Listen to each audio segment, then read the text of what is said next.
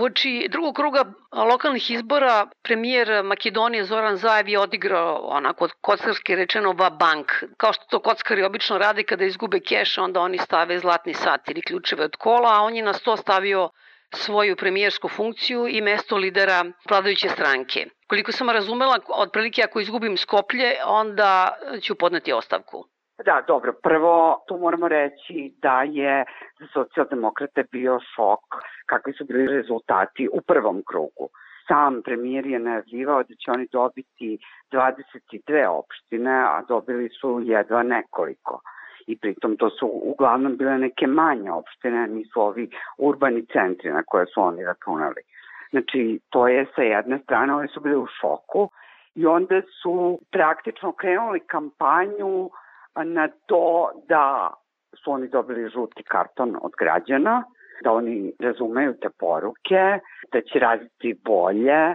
E sad, ono što je tu takođe problem, to je da su oni vodili kampanju dosta na tom narativu da ne dozvolimo da se VMRO vrati. Kažem da je problem zato što je to jedan narativ koji su oni koristili i mnogo pre. To su bile poruke i za vreme kad je trebalo da se podrži referendum za promenu imena i za vreme prvih ovih lokalnih izbora nakon što su oni došli na vlast 2017 i za vreme predsjedničkih izbora i tu su predsjednički izbori 2019. interesantni zato što su oni prošli dosta loše u prvom krugu i to je bio taj neki prvi signal da ljudi nisu zadovoljni sa vladavinom socijaldemokrata, nakon čega su sledila puno obećanja da će igrati metla i da će oni da počiste korumpirane likovi svojih redova i sada zajedno je izgubio od ljudi koji su izašli da glasuju, on je izgubio od onih koji su ostali kod kuće.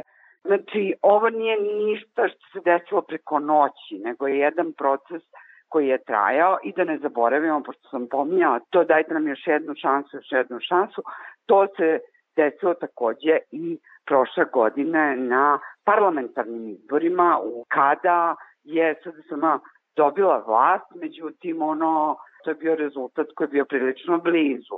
I oni su napravili vladu mnogo više zahvaljujući tome da su oni imali koalicioni potencijal koji desnica nije imala u tom trenutku jer su oni pre toga igrali na antialbanske narative. Sad se to promenilo, sad oni imaju albanskog partnera i oni su napravili neku tu koaliciju sa kojom su osvojili dobar rezultat. Totalna izlaznost je bila nekde oko 50%, I to pokazuje da su u stvari ono što su odlučili birači da ostanu kući jeste na neki način rešilo izbore, jer birači VMRO su mnogo, mnogo disciplinovani, dok na to ne može da računaju socijaldemokrate što se tiče njihovih birača. I sad u tom kontekstu Zajev je mislio da će ljudi pohrliti na biračka mesta ako znaju da je njegova funkcija u pitanju. On je tu podigao ulog i rekao da ne može da vodi vladu ako je glavni grad pod kontrolom VMRO-a i na taj način je on praktično pretvorio izbore u nešto sasvim drugo.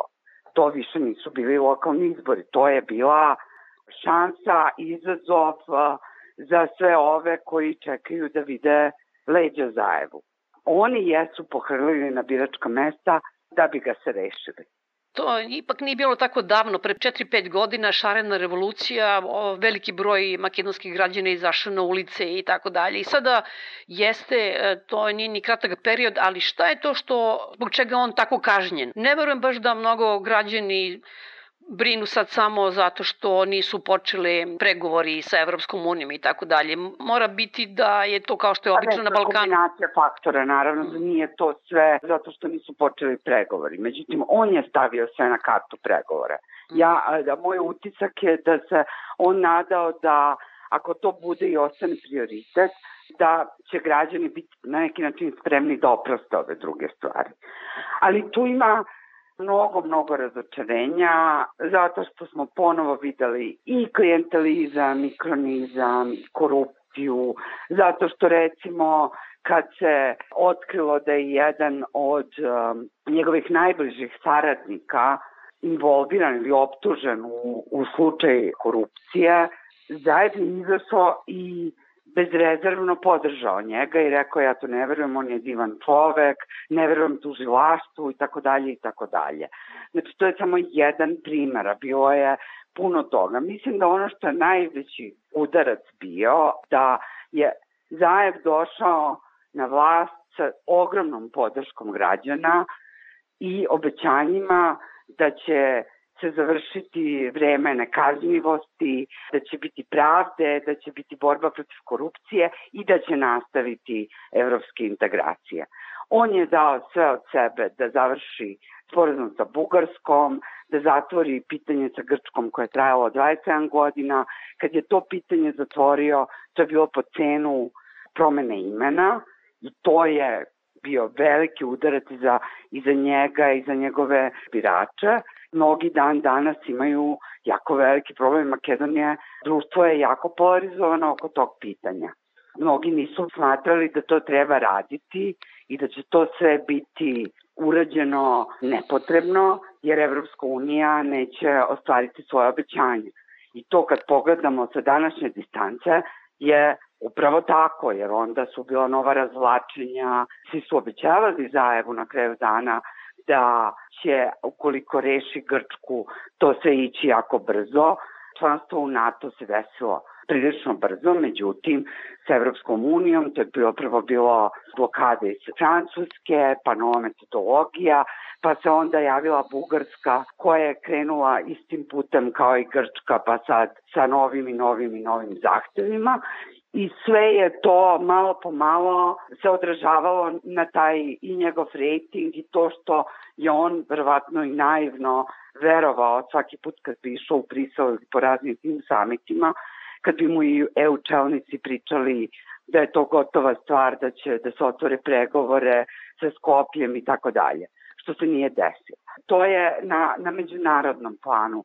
Kod kuće bilo je raznih tu stvari. Prvo mislim da je najveći deo, građanski deo bio razočaran sa obećanjima oko toga da će se završiti era nekažnjivosti i slično, sa padom specijalnog tužilaštva, gde smo imali skandal da je specijalna tužiteljka optužena za trgovinom uticaja i... Katica Janeval, kako beše? Katica Janeva. I ona je uhapšena, osuđena na 7 godina u zatvoru ili koliko već, ali rezultat toga je bilo da to tužilaštvo koje je bilo simbol da će se nešto promeniti, zatvoreno i to zatvoreno sa jednim političkim sporazumom između VMRO i SDSM. Da je Zajev, da bi obezbedio sve te korake da može da se završi NATO, da se završi Evropska unija, da se implementira prespanski ugovor. On je morao da menja ustav, da obezbeđuje većinu u parlamentu od dve trećine i slično. I u celom tom procesu je napravio neke kompromise koje je većina građana nije mogla da proguta, tipa dogovori za razne amnestije, onda da i ne pominjem kako se vlada nosila sa celom pandemijom. Mi smo u vrhu zemalja po smrtnosti, jako smo dugo čekali vakcine, trčali su ljudi u Srbiju da se vakcinišu. Koliko sam ja razumela, takođe se Makedonija oslanjala opet na Evropsku uniju isključivo u nabavci vakcina, ali tako beše? Da, da, da. I oni su kasno praktično napravili te ugovore van Kovaksa jer su računali da će Evropska unija to isporučiti, a kako smo videli u to vreme, Evropska unija je gledala isključivo članice Evropske unije, jel?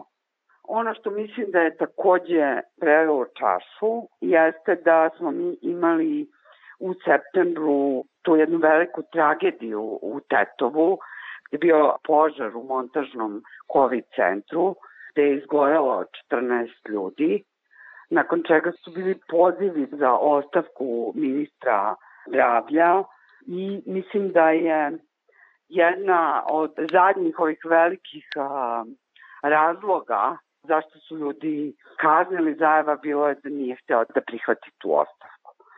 Čula sam često da neki ljudi u Makedoniji Makedoniju tretiraju, odnosno doživljavaju kao binacionalnu etnokratsku državu u kojoj vlada pakt o nenapadanju između makedonskih i albanskih političkih elita. Kako se te stranke Albanaca u Makedoniji ponašaju i kako mislite da će se ponašati u buduće, eventualno da li će se sada vratiti u naručje VMRO?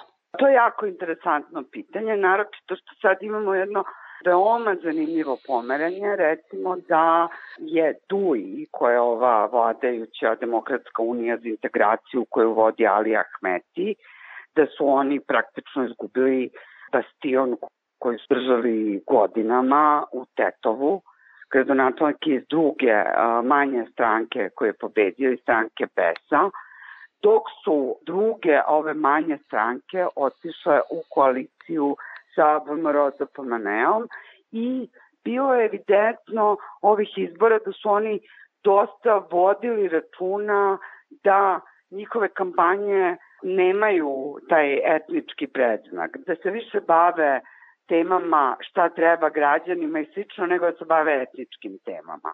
Ja mislim da je VMRO do sada naučio lekciju da oni ne mogu, bez obzira koliko imaju podršku od uh, makedonskih birača, da oni ne mogu dalje i ne mogu ništa da urade s tim ukoliko nemaju, nemaju albanskog partnera.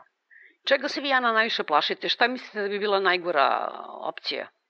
Pa ja mislim da bi najgora opcija bilo da se mi vratimo tom tipu autokratske vladavine, kao što smo imali za vreme Nikole Grujevskog. I plašim se da po onome što možemo videti u regionu i drugim zemljama, a neki od tih recepata su već ovde isprobani i funkcionisali, tipa ta masovna kupovina medija, kontrola medija, da se sve kontroliše iz jednog centra. Plašim se da bi to u isto vreme išlo sa potpunim razbijanjem opozicione stranke i da ćemo mi praktično završiti sa jednom prilično dugotrajnom vladavinom desničara.